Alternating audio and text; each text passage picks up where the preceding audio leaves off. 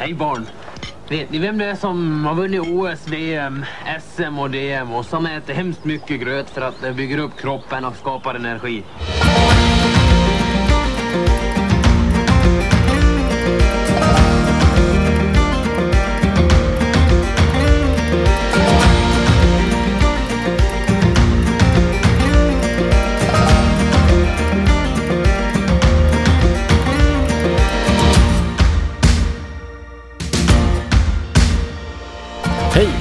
Hjärtligt varmt välkomna till Fjärrvandringspodden. Jag som pratar nu heter Anton Levin och med mig så har jag Lukas Wennerholm. Tillsammans gör vi en podcast för dig som är intresserad av vandring, fjäll, vinterturer och kanske lite, lite klättring. Och eh, nu sitter vi här igen med ett förinspelat avsnitt som släpps någonstans eh, förhoppningsvis mitt i sommaren. När ni har det riktigt gött där ute. Ja, precis. Nu ses vi här i, i juni och eh, jag får fråga dig Lukas, vad har du gjort sedan vi såg sist? Ja, det är väl lite det vanligaste. Jag har varit och utforskat lite nya klätterklippor i Stockholmsområdet som jag inte varit vid förut. För att se lite på, på någonting nytt och sådär. Så det har varit ganska mycket klättring sedan det fina vädret kom, kom fram. Och sen har jag ju eh, förberett och fixat mycket inför eh, där jag antagligen är när, när ni hör det här i Chamonix och klättrar och, och har det gött. Så att eh, mycket förberedelse inför det. Bland annat så har jag servat bilen med sådana här viktiga saker. 99 bromsar om man ska köra runt i, i bergsmiljö. Det är, det är lätt att slita ut dem fort där när man, om man liksom har kört upp 1000 höjdmeter och sen ska ner för en 1000 höjdmeters nedförbacke. Det bränner inte sönder bromsarna. Nej, precis. Så att, eh, vi, eh, det kändes schysst med ett par nya belägg till bromsen till bilarna. Så att eh, det är lite sånt där småfix och prepp liksom som bara allmänt njutit av det härliga vädret. Vad har du själv gjort? Ja, nu i eh, nationaldagshelgen så var jag en sväng eh, till eh, Bohuslän tillsammans med sådär 15 pers till. Vi var och vi hade bokat en stuga ihop genom Stockholms klätterklubb då och var och klättrade i fyra dagar och hade det riktigt, riktigt fint. Alltså det är ju en så speciell miljö och jag kan tänka mig att ja, men, för den som inte vill klättra så är nog Bohuslän ett fantastiskt fint eh, län att vandra i också. Det finns ju till exempel Bohusleden. Det är ju lite, lite fjällkaraktär på sätt och vis ändå. Eh, det är ju mycket berg och mycket, mycket sten som man ser liksom. Och de här väldigt fina mjuka klipporna som eh, tornar upp sig. Vilket är varför alla klättrare lockas dit. Ja, precis. Svenska meckat. Ännu mer norrmän faktiskt. Ja. Normalt sett otroligt mycket norrmän som är där och klättrar. De har ju en ännu starkare klätterkultur liksom, kultur än vad vi har. Tack vare att de är omringade av berg. På jag satt och läste eh, tidningen Turist från STF och eh, såg att eh, Sörmlandsleden firar 50 år. Uh. Som vi pratade om uh, i något uh, avsnitt här tidigare. Uh, så stort grattis till föreningen Sörmlandsleden och den här fina vandringsleden vi har här i. som går genom Sörmland, typ 100 mil led. Så det, ja, inte jättelång tid, men kul att den finns. Och grattis till er för det fina, fina jobbet ni gör med leden. Jag hoppas att under, under kanske lite höst och sådär att jag ska komma ut och springa lite på Sörmlandsleden. Det verkar riktigt härligt, det är många som gör det. Sen är det ju så, vi har, ehm, vi har ju en Instagram som vi brukar prata om och eh, vi, eh, vi får ju diverse korrespondens på den från er som lyssnar och synpunkter och tankar och frågor och sådär. Vi hade för ett tag sedan en kille som heter Kaspar som hörde av sig och eh, hade lite funderingar kring stavar. Och eh, då svarade jag lite enkelt på den, men jag tänker vi ska ändå lyfta det. Eh, han har ju liksom, han har precis börjat vandra och fundera på, är det, är det ens värt att skaffa ett par stavar liksom, eller kommer man liksom kasta dem? Och jag är av uppfattningen att stavar är nice, nästan alltid. Finns ibland där jag inte använder dem för jag känner att jag inte kommer behöva det. Men ska jag vara ute en längre tid eller, eller gå väldigt mycket uppför eller väldigt mycket nedför så tycker jag att det är, det är väldigt skönt att ha. Jag eh, använder nästan aldrig stavar faktiskt. Med ett undantag och det är när vi är och klättrar. Mm. Då brukar jag alltid ha en stav om man går på glaciär och sådär. Eh, men, men annars så har jag nästan aldrig en stav med mig. Eller två. Och anledningen till det är att jag tycker det är ganska skönt att inte ha någonting i händerna. Mm. Men eh, som du säger, när man går mycket uppåt eller neråt när det är brant terräng, mm. då är det ju ganska skönt att kunna liksom luta sig lite mot stavarna. Ja. Men annars tycker jag det är ganska skönt att gå utan. Det är så här, lite mindre saker bara. Alltså jag tycker att stavarna hjälper mig att inte tappa farten, att hålla takten. speciellt i slutet på dagen om man börjar bli lite trött och seg, att eh, eh, armarna är ofta piggare än benen. Och då kan man liksom använda dem för att skjuta på och liksom hålla farten. Ja, men det, det köper jag nog ändå. Sen tror jag att när jag, för en tid sedan här när jag hade min handled och hade varit bruten och läktes, då, då tror jag att det var bra rehab att gå med stav i, i handen. Ja, jo men absolut. Jag, jag kommer ihåg första gången jag höll en stav efter att jag bröt armen. Det var inte skönt. Nej. ja. Så där har vi det. Sen är vi också, jag eh, hade lite kul och eh, ritade en idé till ett eh, eventuellt, kanske vi får se, t-shirt-tryck. Mm. Jag, jag, hade lite roligt helt enkelt. Och det var ju, vi hade ett avsnitt där eh, Lukas sa det var gott med gröt, eller det är gott med gröt. Och sen så eh, klippte då eh, vår klippare in det någonstans i avsnittet. Ja. Bara la in det på en väldigt konstig plats. Uh, och den som inte liksom märkte av det här, den märkte nog inte av det. Eller kanske bara tänkte, varför sa han så? Uh, medans uh, vi märkte av det och tyckte mm. det, det var jättekonstigt och nu i efterhand lite roligt. Uh, och då fick ju jag en reaktion då från Paul Anton som då skrev att han var och gjorde Vita bandet vad ska man säga, vandrings, ett vandringsutmaning där man tar sig över hela svenska fjällkedjan i princip. Det är 130 mil, så det är ingen liten tur. Från Grövelsjön till Treriksröset. Det här var ju under hans studenttid så han var ju, hade inte så mycket pengar utan han var tvungen att spara pengar. Och då så kom han på den här idén att han skulle göra hela Vita bandet på bara havregrynsgröt. Det låter kanske inte som den ultimata eh, näringsriktiga kosten. Så han skrev helt enkelt att uh, after eating gröt for three months during uh, vita bandet I cannot agree anymore. Alltså att gröt är gott. It was a nightmare. Uh, I was student and I didn't have the money. But worse was my time during gröna bandet. Så han har alltså vandrat hela fjällkedjan också under sommaren. Och då hade han bara eh, en så här eh, frystorkad linssoppa eh, till, eh, till, till lunch, frukost och middag varje dag. Den var troligtvis väldigt billig. Men det var det enda han kä käkade och det var, det var ännu värre. Uh, så det, ja, det, finns ju, det finns ju budgetlösningar mm. för den som vill, vill komma ner i kostnad här. Men man får, man får offra sig lite. Det roliga var ju också att det var ju då Paul Antons kompis Paolo som, eh, som hade packat inför den här grötresan. Och uh, då hade ju Paul Anton inte berättat för sin kompis att han var laktosintolerant. Och i varje grötportion så fanns det 20 gram mjölkpulver. Så det där ledde ju till att ganska så fort så kollapsade liksom på Antons mage och han mådde dåligt liksom hela den här turen. Men jag, som jag förstår det så slutförde de ändå det lilla äventyret på gröt. Det låter eh, som någonting jag inte kommer göra. Man behöver ju inte göra liksom en av Sveriges liksom hårdaste äventyr hårdare genom att bara, vi käkar gröt också så blir det extra tufft. Tänk att man kanske behöver lite mer energi än bara gröt som får hålla en, hålla en igång. Men spännande, väldigt roligt. Ja. En bra historia säkert också. Ja, precis. Ja, men så tack så hjärtligt för att ni delar med er. Uh, alltså, att ni bjuder på er själva för podden. Det, uh, jag höll på att sätta i halsen när han, uh, han skrev det. Mycket roligt. Men eh, nu börjar det väl bli dags att vi slutar prata runt den här ryggsäcken vi har haft ja. tillgång till en liten stund. Eh, Lundhags Padje Light. Vi har ju nämnt det i säkert tre eller fyra avsnitt nu att vi har provat den. Ja. Eh, och eh, den här gången tänkte vi faktiskt att vi skulle ge er lite feedback på vad vi tyckte om den när vi använt den. Och det är ju då en eh, ryggsäck som jag tror den kom eh, under 2022, lanserades 2022. Den finns i tre olika storlekar. Large, medium, small.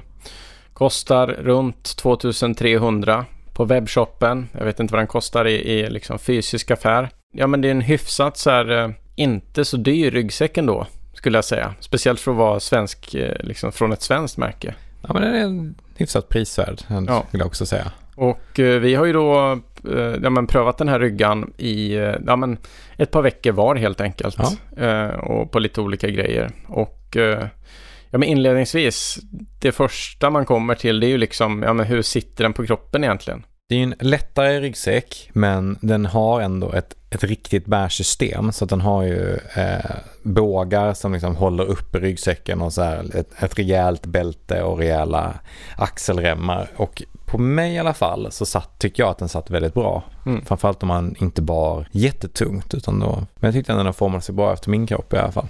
Jo men jag håller med om det. Jag tyckte de här, eh, ja men padsen eller vad man ska kalla kuddarna på, liksom, på bältet eh, satt väldigt skönt och det var, eh, ja, men det, var, det var lätt att få vikten att hamna på bältet istället för på axlarna eh, om man liksom ville det och, och, och få en bra bärkomfort. Och eh, ja, men det, var, det var lätt att justera till eh, ryggsäcken så att den satt på ett skönt sätt eh, tycker jag. Höftbältet har ju en storlek eh, för varje storlek på väskan då. Så man mm. måste ju antagligen prova sig fram till vilken size man ska ha på väskan. Ja, eh, precis. vi hade en large. Ja, och eh.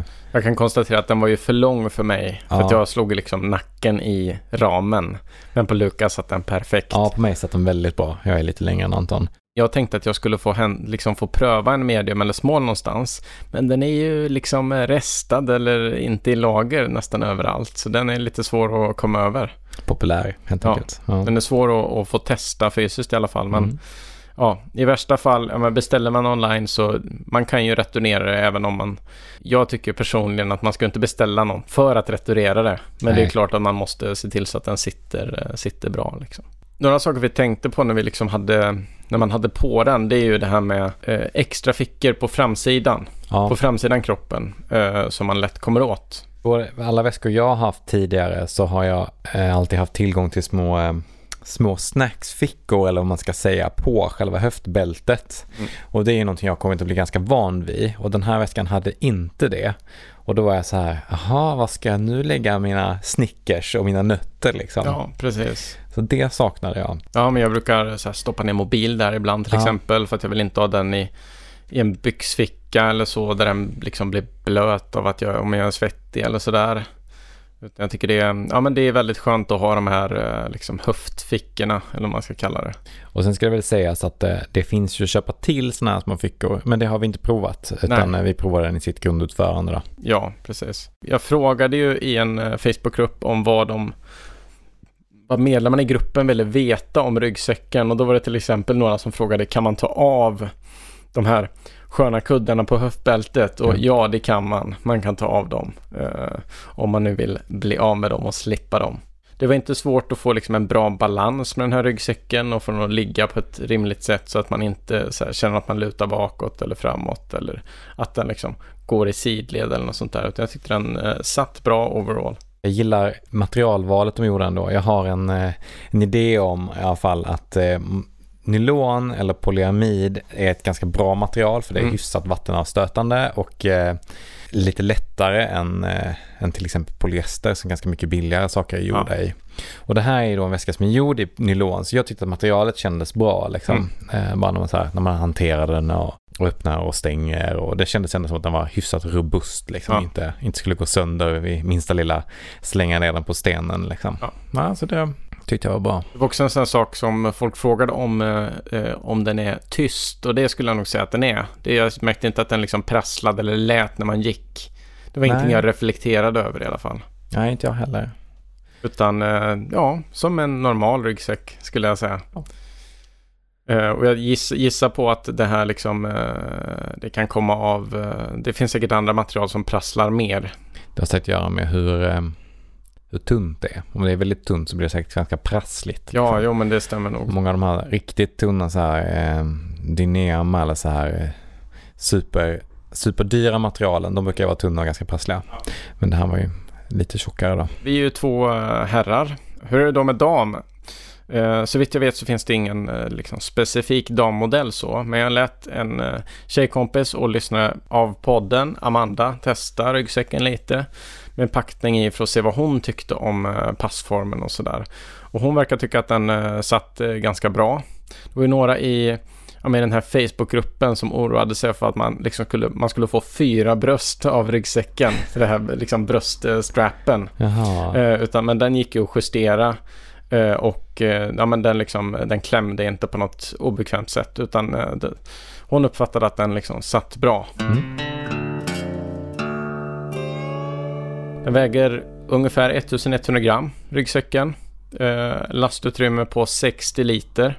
Finns i en mindre variant också, men ja. den, den vi provar var 60 liter. Ja, precis. Och jag uppfattade att ja, men, det var som ett stort slukhål. Alltså det, nu ska vi se, det är inte riktigt 60 liter i huvudfacket utan det är väl några liter i de här ytterfacken som finns. Ja. Men det kändes ändå som att eh, ja, men man kommer få ner allting man behöver i den här ryggsäcken och inte som att eh, man kommer behöva lasta den, eh, liksom eh, behöva hänga massa grejer på utsidan utan det kändes som att det fanns gott om plats. Jag hade med den en dag när jag var på, eh, på lite klätteräventyr och då bara fyllde jag den full med alla, alla grejerna jag kunde tänka mig att få med mig. Jag tyckte ändå att de rymde det bra liksom. Det var inga problem. Ja, och inte heller för liksom sovsäck, tält, liggunderlag och Nej, all precis. utrustning man Ja. behöver för, ja men inga problem att ha den här för en veckas nej. vandring. Liksom. Men det var ju två sidofickor i någon sån här stretch, stretchmaterial. Mesh typ. Ja, precis. Där man kunde köra ner eh, vattenflaska eller ja, men någonting avlångt liksom runt. Och de var väl lite svåråtkomliga när man hade ryggsäcken på sig. Ja, var precis. väl det Man, vi kände. ja, man behöver antingen vara väldigt eh, ostel, väldigt flexibel och kunna liksom vika Ja, armen runt. Eller så, eller så bör man ha en kompis eller ta av sig den. Mm. Men däremot den här meshen på baksidan.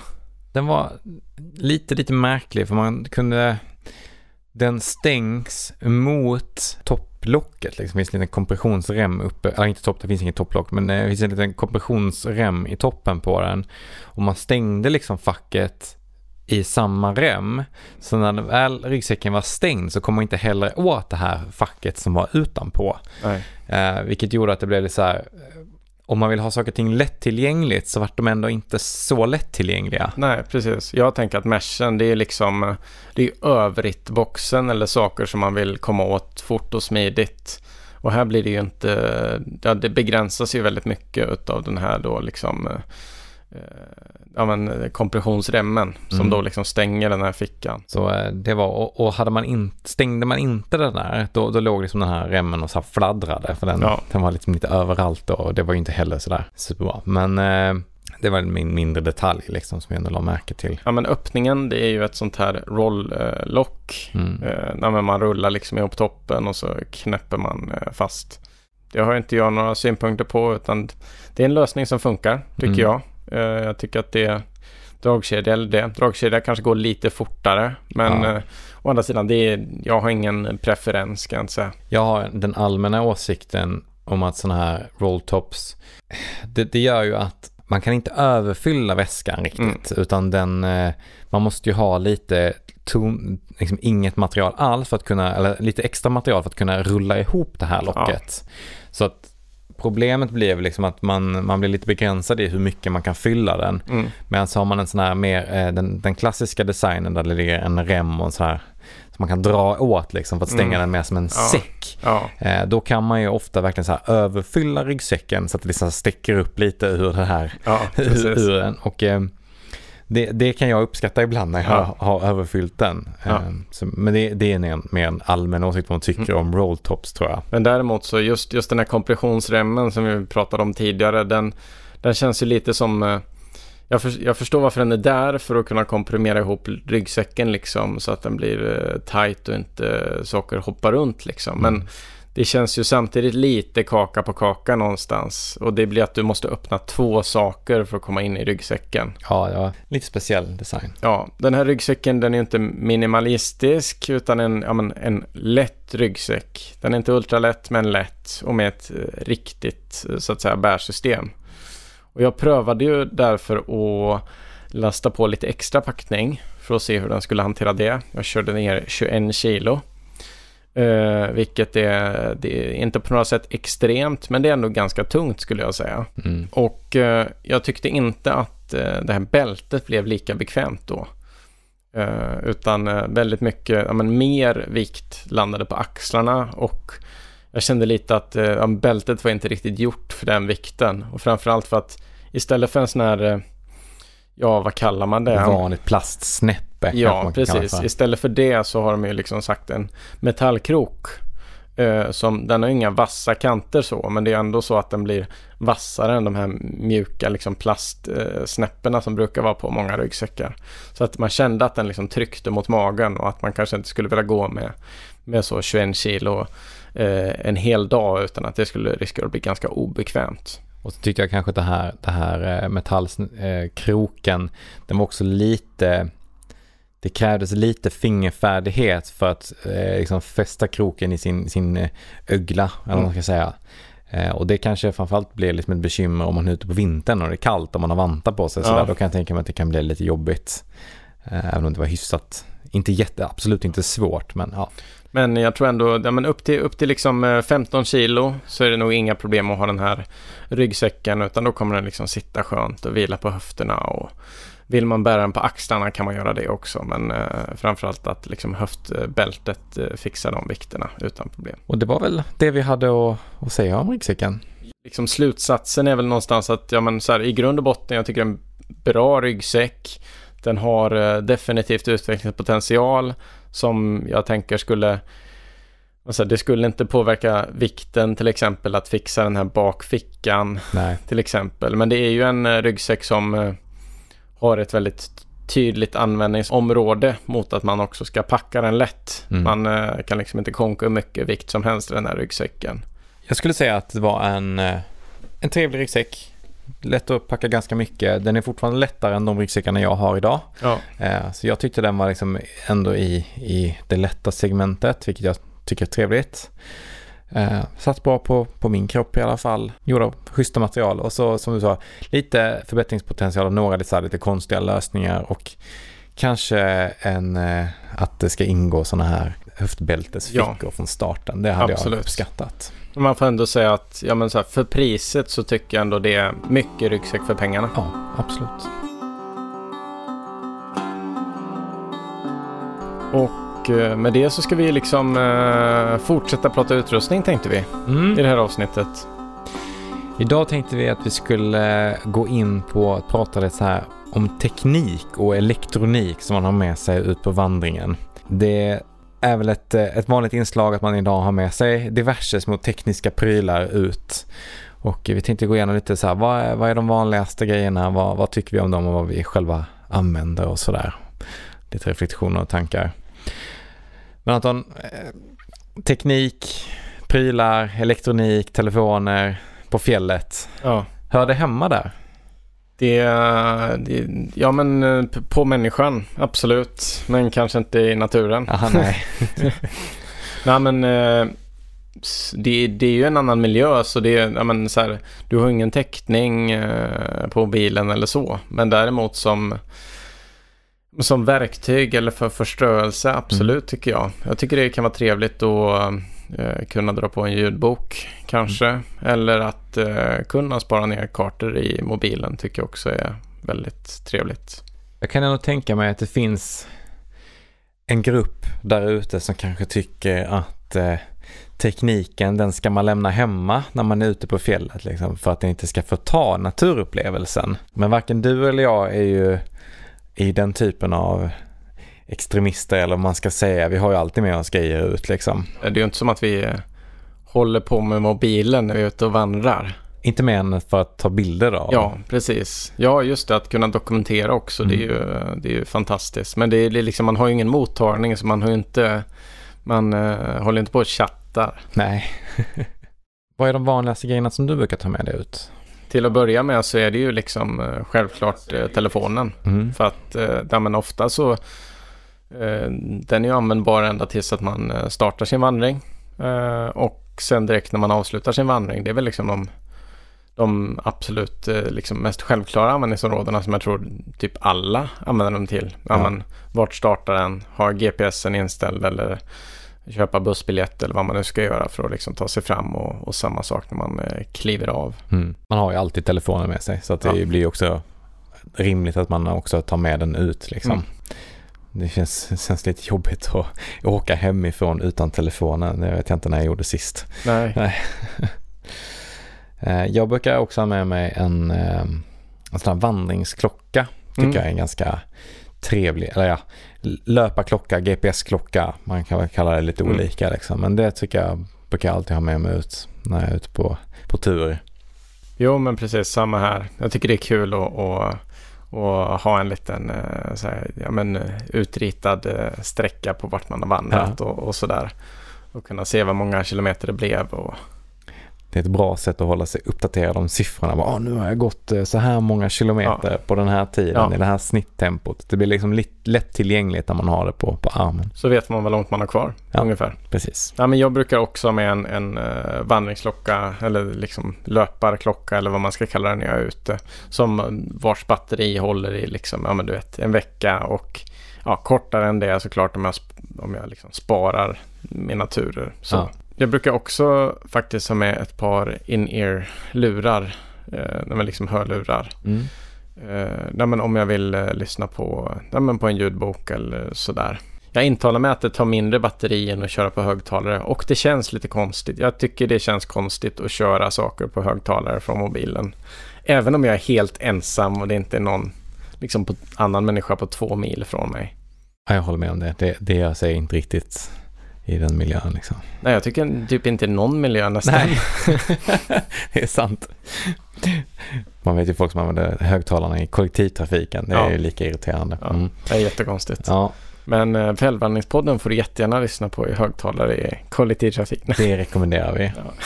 Lite beroende på vilken typ av vandring jag är ute på sådär så, så brukar jag ha med mig en sån här nödsändare eller Mm. GPS-sändare. Mm.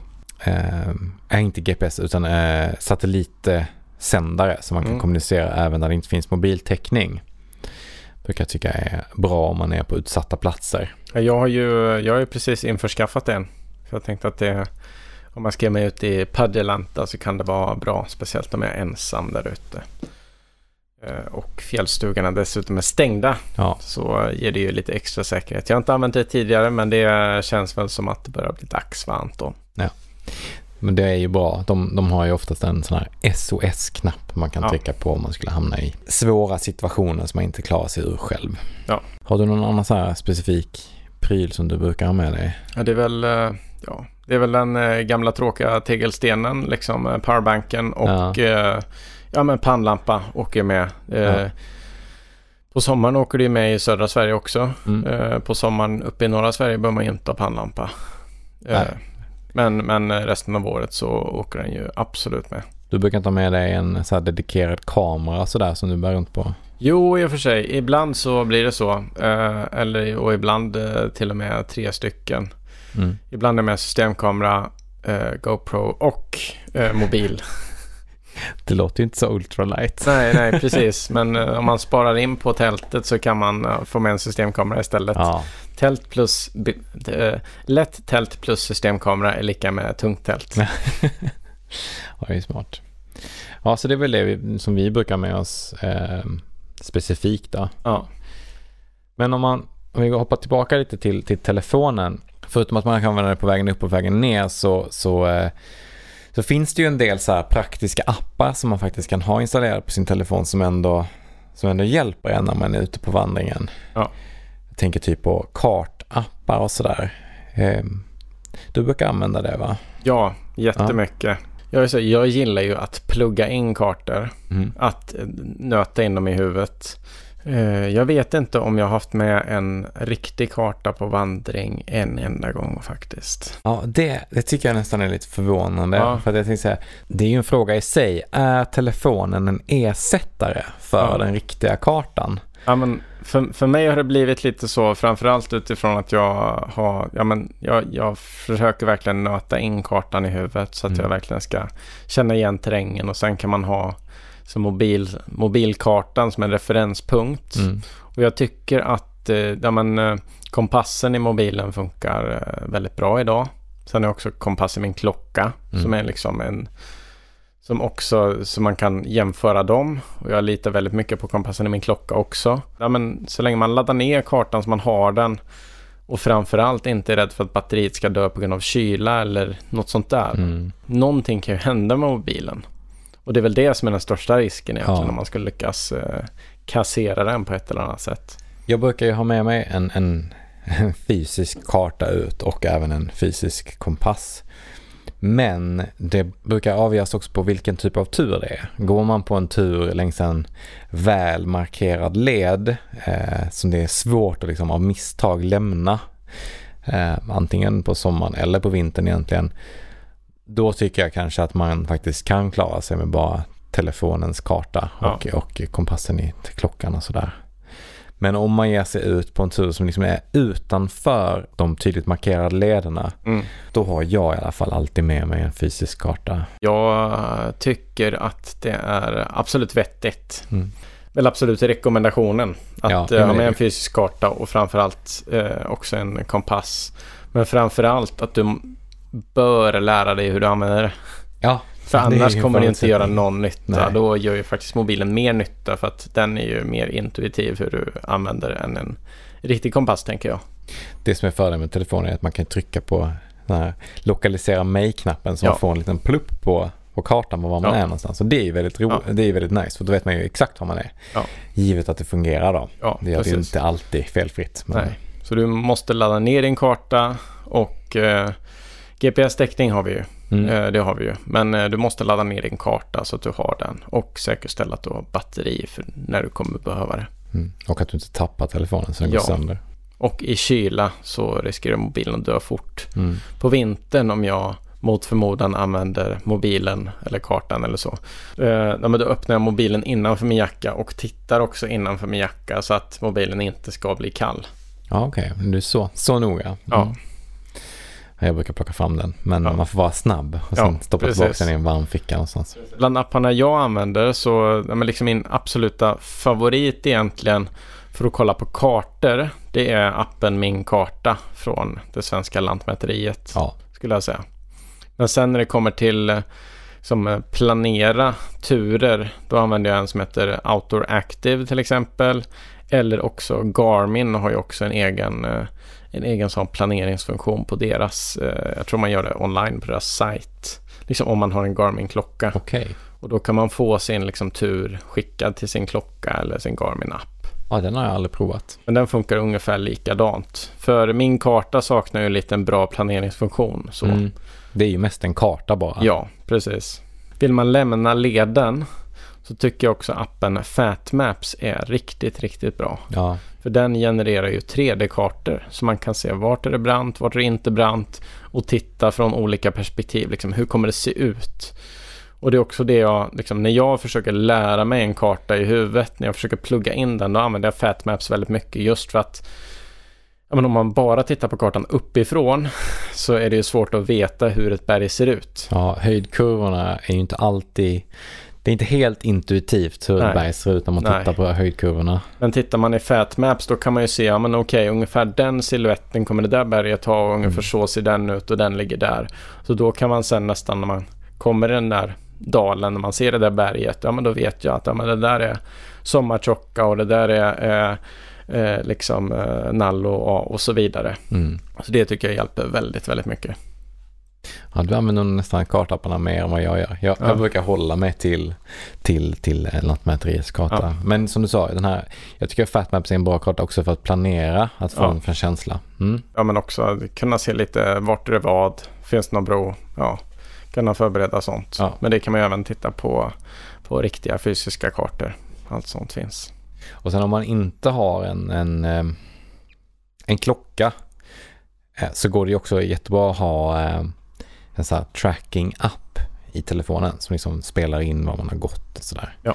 De drar ju lite batteri de där. Ja. Eh, det är ju nackdelen då medan klockorna är väldigt energieffektiva.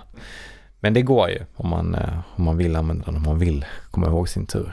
Precis. Glöm inte då när ni kliver ut att antingen stänga av mobilen eller sätta den på åtminstone flygplansläge. Mm. Så att ni liksom inte går och drar massa onödigt batteri för att den ligger och söker efter master som den inte kommer hitta. Det är ju också så att desto sämre täckningen är desto högre uteffekt försöker telefonen sända på. Så mm. desto sämre täckningen är desto mer batteri drar den.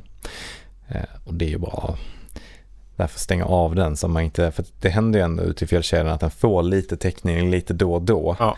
Då kommer den ju ganska fort dräneras om man inte stänger av det helt. Jag har ju fått ett telefonsamtal på, på precis 2000 meter när vi var uppe på um, Uh, nu ska vi se, vad heter berget? Det heter Semlatjokka. Mm. Uh, precis när jag och Emma Svensson var uppe på toppen där så slog jag på för att se om det fanns någon täckning. Uh, och det fanns det ju. Och det här är ju liksom mittemellan Kebnekaise och Abisko ungefär. Och precis då så ringer P4 Stockholm och vill intervjua oss. Så det var så här riktigt, riktigt bra timing. Men det var ändå lite knackig signal så vi fick skjuta på den där på den där intervjun. Ja, det är synd. Det hade kunnat bli en riktigt häftig intervju. Ja, ja. ja men absolut. Så om man då har en sån här dedikerad vandringsklocka med sig, mm. vad brukar du, vad brukar du liksom använda den till mer specifikt? Dels så, alltså det beror väl lite på vart jag är. Mm. Om man till exempel sover i stuga då tycker jag att den är väldigt bra att kunna ha alarm på. Ja. För att inte väcka alla andra. För den låter lite tystare och framförallt den vibrerar ju liksom på handleden. Och jag vaknar alltid av det där. Och, och ja, men framförallt så känner man att det blir, liksom, det blir inte som eh, något eh, krigslarm som alla kommer flyga upp av utan det är lite mer diskret. Så det tycker jag att den är jättebra för. Ja. Men sen, ja men egentligen att spara ner mina turer och hålla lite koll på vad långt det har gått och vad långt, eh, ja men så att jag kan få en bild av vad långt det är kvar och när jag kommer vara framme. Mm. Ja, det är bara för att försöka planera in under dagen. Här, ja, nu ska jag, när ska jag äta lunch? Så ska man kolla, ja men gått sex kilometer, kanske ska gå tre till. Liksom. Just att det är så enkelt att så ja. Kika på klockan. Liksom. Jag vet att efter nio kilometer kommer en liten fin sjö där ja. man kan stanna till. Precis. Ja, nej, men jag tycker också det är bra. Och som du säger, den här, den här väckningsfunktionen, mm. eller bara vanliga klockan, den, mm. den är oväntat användbar faktiskt. Ja. Det är också skönt om man ligger och sover i sovsäck och mm. har klockan på sig så behöver man liksom inte sträcka ut händerna utanför Nej. den kalla sovsäcken. Nej, Jag lägger ju alltid ner mobilen i sovsäcken så att den ska vara varm också. Men den har ju tendens att försvinna bort ja. någonstans i sovsäcken så den hittar man inte. Så. Som sagt, jag har ju en, någon typ av enklare karta på den och jag har en kompass i klockan. Mm. Och jag har, ja, men jag har använt dem faktiskt en del självständigt. Jag har varit ute och sprungit i fjällen till exempel. Då har jag ibland navigerat efter den. Men det är ju en väldigt, väldigt simpel karta. Så den ja. visar i princip bara vart leden går. Och så vart en glaciär börjar och slutar. och så tror jag att de drar ju ofta ganska mycket batteri när man ska visa och rendera kartor på ja. dem. Så att jag tror att då, då är det nog bättre att använda telefonen som har lite mer ja. kräm. Ja, precis. Och så pratar vi lite om sådana här eh, nödsändare då. Och det finns ju lite olika varianter på dem. Eh, man kan ju dels ha en sån här bara liten, liten nödsändare så man inte kan göra så mycket mer än att bara precis skicka ett SOS meddelande och så mm. finns det ju mer så här större varianter som har stor skärm och inbyggd karta och som man kan till och med ringa med och ja, den klassiska satellittelefonen. Det finns mm. en hel uppsjö med olika typer. Eh, och den vi har, som nu har ju både du och jag en sån här eh, InReachen, det är ju Garmins lilla. Ja. Tycker jag är en ganska bra kompromiss. Den har ju ingen karta, men den har tvåvägskommunikation så att man kan liksom både skriva och ta emot meddelanden med den. Vänta, har inte InReach Mini 2 uh, karta? Jag tror det. Har 2 en karta? Men det är fortfarande ja. en svartvit skärm va? Jo, men precis. Den är svartvit också. Ja, okej. Okay. Ja, jag ser här. Den har någon så här tracking kartfunktion. Ja. Men jag misstänker att den är väldigt, väldigt rudimentär. Ja, och precis. Som sagt, man har ju nästan alltid telefonen med sig. Ja. Så man behöver inte den. Det man kanske ska tänka på är Ska man liksom använda den här för att verkligen kommunicera med omvärlden? Eh, typ skicka sms och liknande. Då, då, måste man nästan ha sin telefon parad med den. Så att man skriver och skickar från telefonen. För att mm. det är i stort sett omöjligt att skriva ett längre meddelande med knappsatsen på själva enheten. Ja. Eh, det går, men det är ytterst ineffektivt. Precis. Det är bara att tänka på det att man måste också ha, ha ström i telefonen. Men en sån här InReach, uh, det är ju det är ett hyfsat dyrt abonnemang också. Mm. Uh, man kan ju teckna det, uh, dels någon typ av, av helårsgrej där man kan använda den lite då och då. Uh, så det blir en årskostnad som blir lite lägre om man ska använda den ofta. Eller så kan man betala liksom en månad i stöten och då tror jag det kostar typ 300 spänn eller något sånt. Mm. Uh, så det blir ju som att ha ett till mobilabonnemang liksom. Men det blir det. Det kan ju vara värt det kan det vara. De är ganska bra på att konstant ändra på de där prislistorna. De är mm. liksom sällan samma från en månad till nästa. Liksom. De är väldigt bra på att ändra dem där hela tiden. Min känsla är ändå att använder man den här mer än liksom bara en gång på sommaren så är de här av och på abonnemangen det är nästan tveksamt om man sparar någonting på att stänga av den. Ja. De, är, de har räknat noga på det där tror jag Ja. och kommit fram och liksom lagt priserna precis så att det nästan inte spelar någon roll. Liksom. Och så är det ju alltid någon avgift som man så stänger av och på den. Vad, vad har du för något? Har du tagit ett sånt här? Eh... Ja, jag har inte startat upp än. Nej, okej. Mm. Eh, har jag inte gjort. Men eh, det börjar bli dags. Ja. ja, vi har den på ett sånt här eh, löpande. Mm. Vi stänger inte av och på den. Liksom. Det som är skönt med det är att då vet man ju alltid att så här, ja, okej, nu ska vi ut. Då tar jag bara med den liksom och så vet man att den är igång. Då drar man sig inte för någon extra kostnad. Nej, precis. Eh, och som sagt, använder man den liksom så här en gång på sommaren och en gång på vintern. Två eller tre gånger avstängningar per år. Sen tror jag man är uppe i vad det skulle kosta bara att ha ett löpande abonnemang. Liksom. Ja, så, men det, där, där får man nog räkna lite på vad man ska ha. Ja, precis. Och det är väl, eh, ja, som, som du sa tidigare, det finns ju liksom satellittelefoner som man kan ringa på. Det är Mm. ganska ovanligt att folk har med sig. Ja, jag tror inte att folk har Eh, det. Nej, och eh, sen finns det ju en, ännu mer slimmade apparaturer Mm. eh, som eh, väger mindre och det kanske är, ja men då kanske du måste skriva på mobilen antar jag. Ja, eh, en, en sån här ganska känd är ju eh, Spotten. Mm. Eh, finns lite olika utföranden. Men den, och den är ju en ren nödsändare Mm. eh, och den kan du inte ta emot meddelanden på. Den har du mest med dig för att liksom försäkra dig om att om du hamnar i nöd att du kan, Ja. du kan kommunicera eller skicka ut ett nödmeddelande. Mm. Men den går inte att liksom här, skicka och ta emot enklare meddelanden med Ja. om sin omgivning. Liksom. Så det är mer nöd, en ren nödsändare. Men lite billigare är de ju också, både själva enheten och abonnemangen. Jag har ändå sett någon som har såna här eh, ren, lite större med karta i. Har du använt en Ja. sån någon gång? Nej, jag har inte det. Nej. Och eh, det, då får man ju nästan lämna mobilen hemma tänker jag. Ja, jag tänker att den har liksom den typen av eh, device har lite så spelat ut sin roll i och med att mobiltelefonerna är så otroligt bra liksom. Ja. Det är lite som den dedikerade GPSen i bilen som man köpte Ja. och hade på rutan. Liksom. De, man behöver inte en sån längre. Nej. Eh, Så jag tror även att man lite större satellittelefon sån. Men eh, om ni, om ni eh, har en sån här och, och använder den så skriv gärna till oss. Så, så får vi förstå vad de används till. Om de har någon funktion som telefonen inte har då. Jag skulle koppla till en sån här fiske, vad heter det, radar eller vad heter Ah, det? Ja, ett ekolod. ja, precis. Ja. Ekolod. Ja, ja, det kanske det gör. Fiskeradar. Man hör verkligen nu insatt att jag är...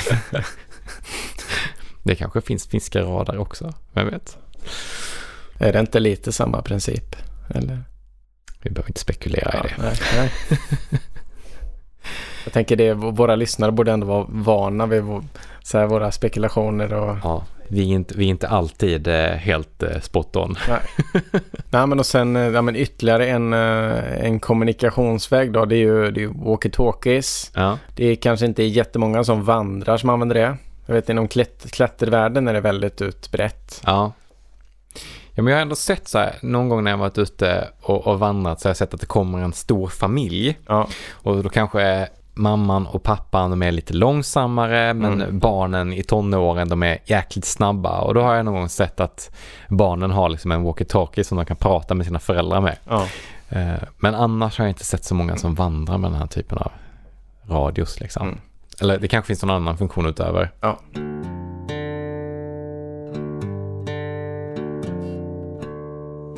Ja, men sen vi pratade ju lite om eh, att man kan fota med mobilen. Men det finns ju också annan teknik idag. Där man dels har vi ju systemkameror och lättare kameror och GoPros och sådär. Men eh, det, vi ser ju även en del drönare poppa upp. Mm. Jag har haft med mig drönare ut på fjället någon gång.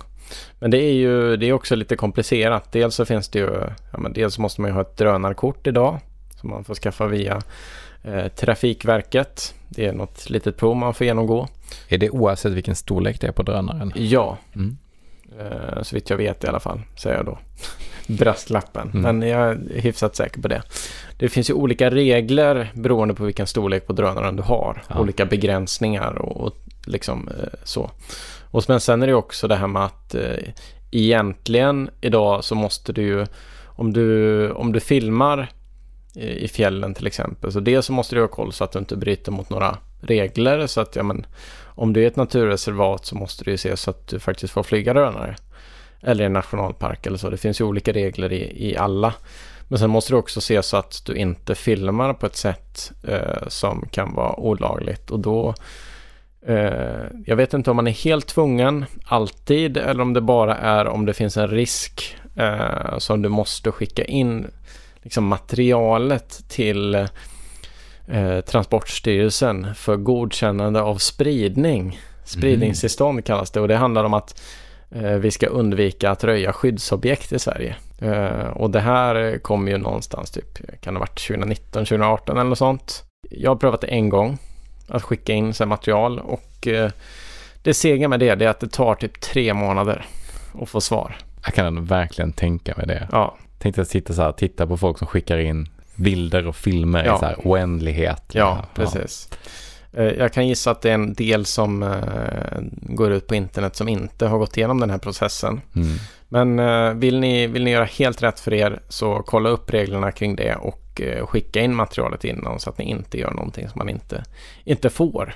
Helt enkelt. Jag läste mig lite till också att ganska många nationalparker där det råder förbud mot drönare Mm. så handlar det ju ofta om att inte störa naturlivet. Eh, fåglar till Ja. exempel kan ju vara ganska känsliga. Ja. Det finns ju några eh, platser runt om i Dalarna där det finns eh, ovanliga rovfåglar som är Mm. väldigt känsliga för störningar. Eh, och det är väl därför man ska vara lite försiktig när man flyger, var man flyger och sådär. Väldigt Och- tråkigt om en havsörn får för sig att brotta ner en drönare. Jaha, ja, ja. ja det är tråkigt.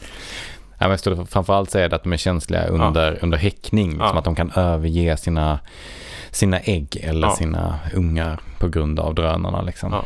Man kan ha med det men eh, se till att eh, ni, ni eh, inte både inte stör andra och uh, framförallt att ni förhåller er, er till de regler som finns. Mm.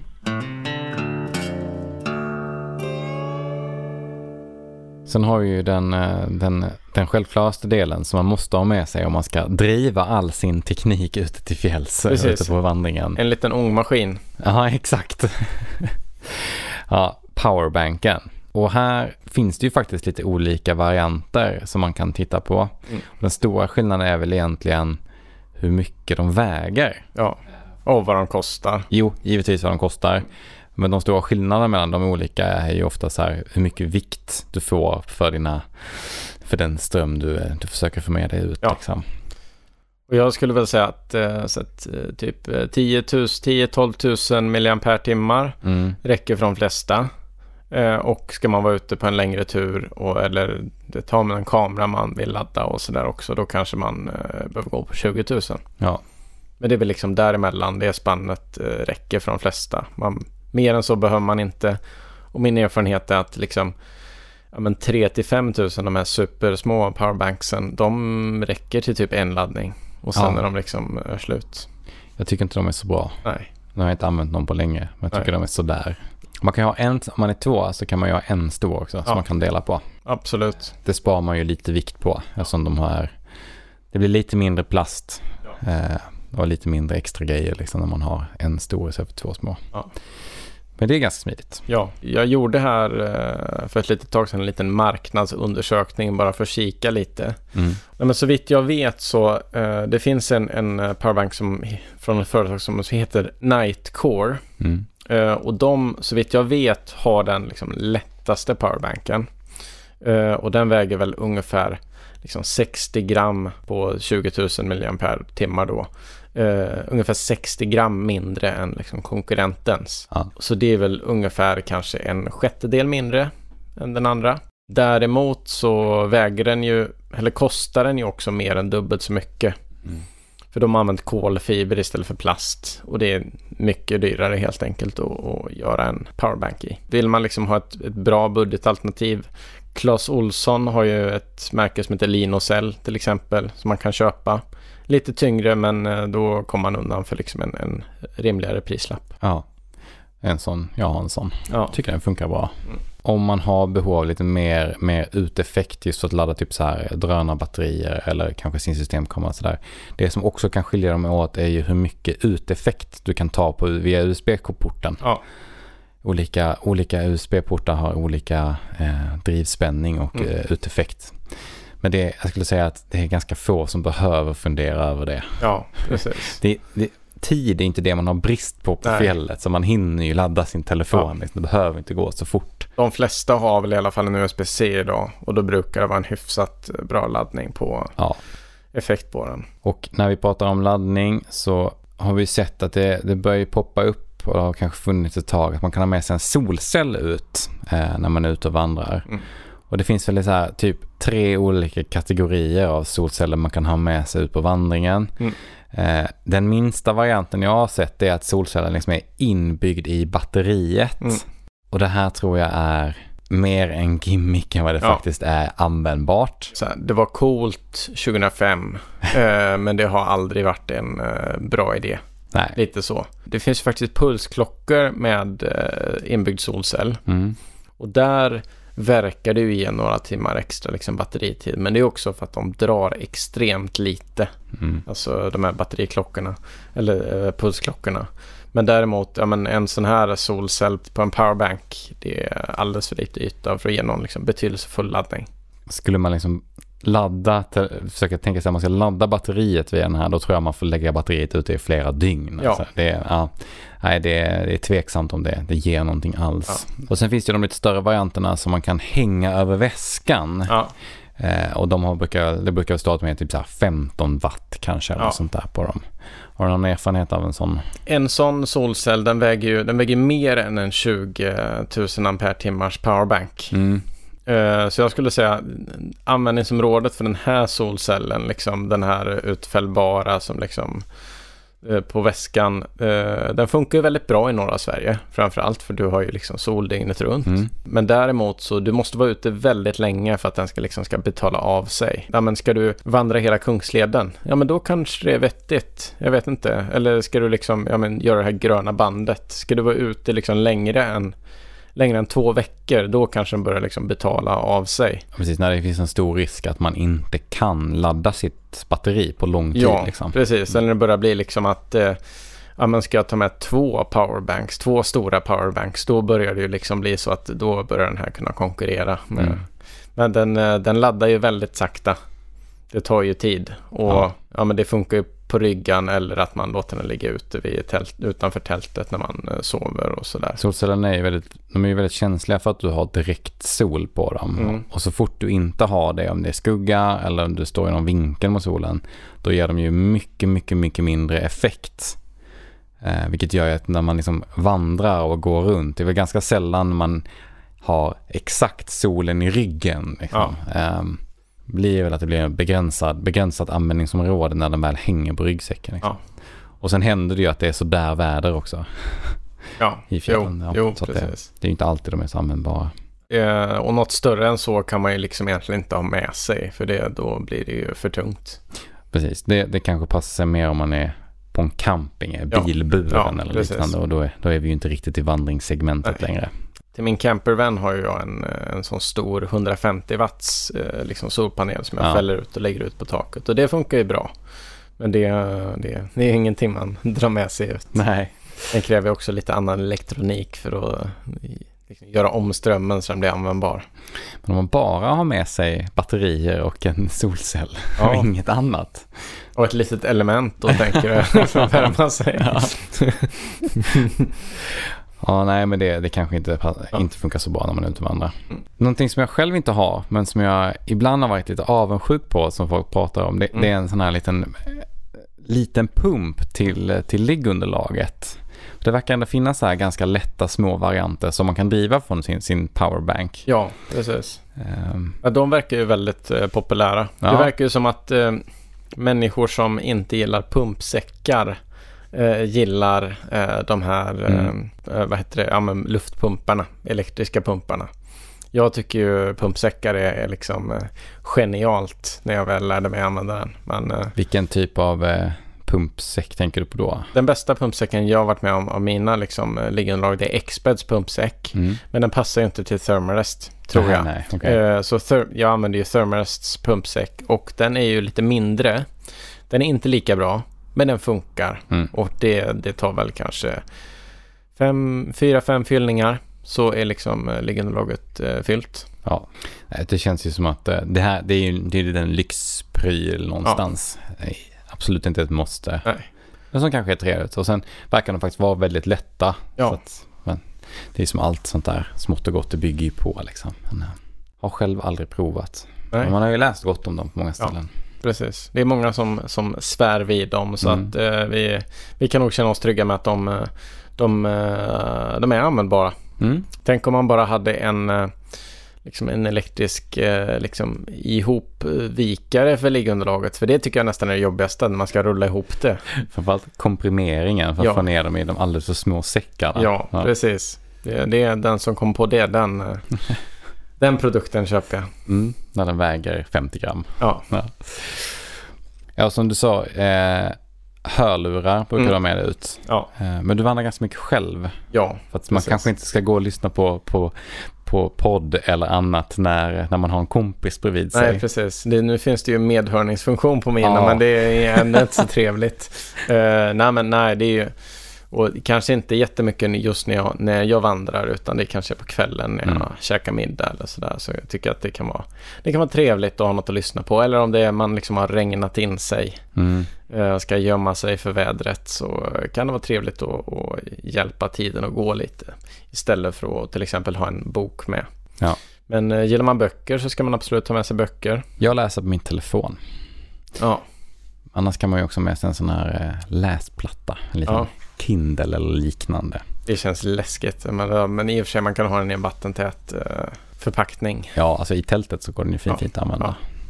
Men Det, det tror jag är nog hyfsat vanligt att man har med sig ändå. Mm. Jag har någon kompis som använder det så.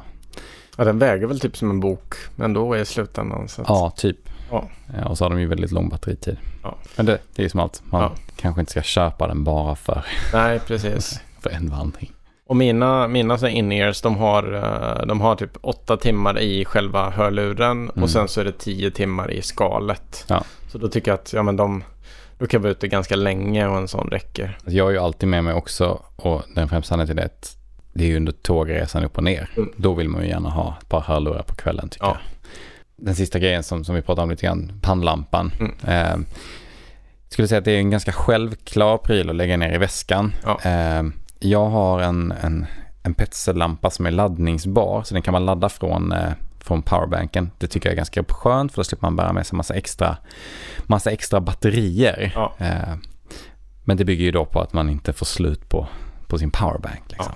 Jo, men precis. Nej, men och jag, jag håller med om det. Sen så brukar jag också använda den som ja, men min pannlampa som tältlampa. Ja. Så jag brukar inte ha med någon separat liksom, eh, tältlampa så, utan det tycker jag är ganska överflödigt. Ja, nej, men samma här. Också bara alltid med mig en. Om man har någon, eh, någon packpåse eller sådär som, eh, har, som är lite men halvt genomskinlig så kan man ju stoppa sin pannlampa i den om man tycker den ger ett för starkt sken. För Mm. då får lite utjämnat ljus i tältet också. Har du någon särskild pannlampa som du tycker är, som du tycker är bra eller någon särskild funktion sådär?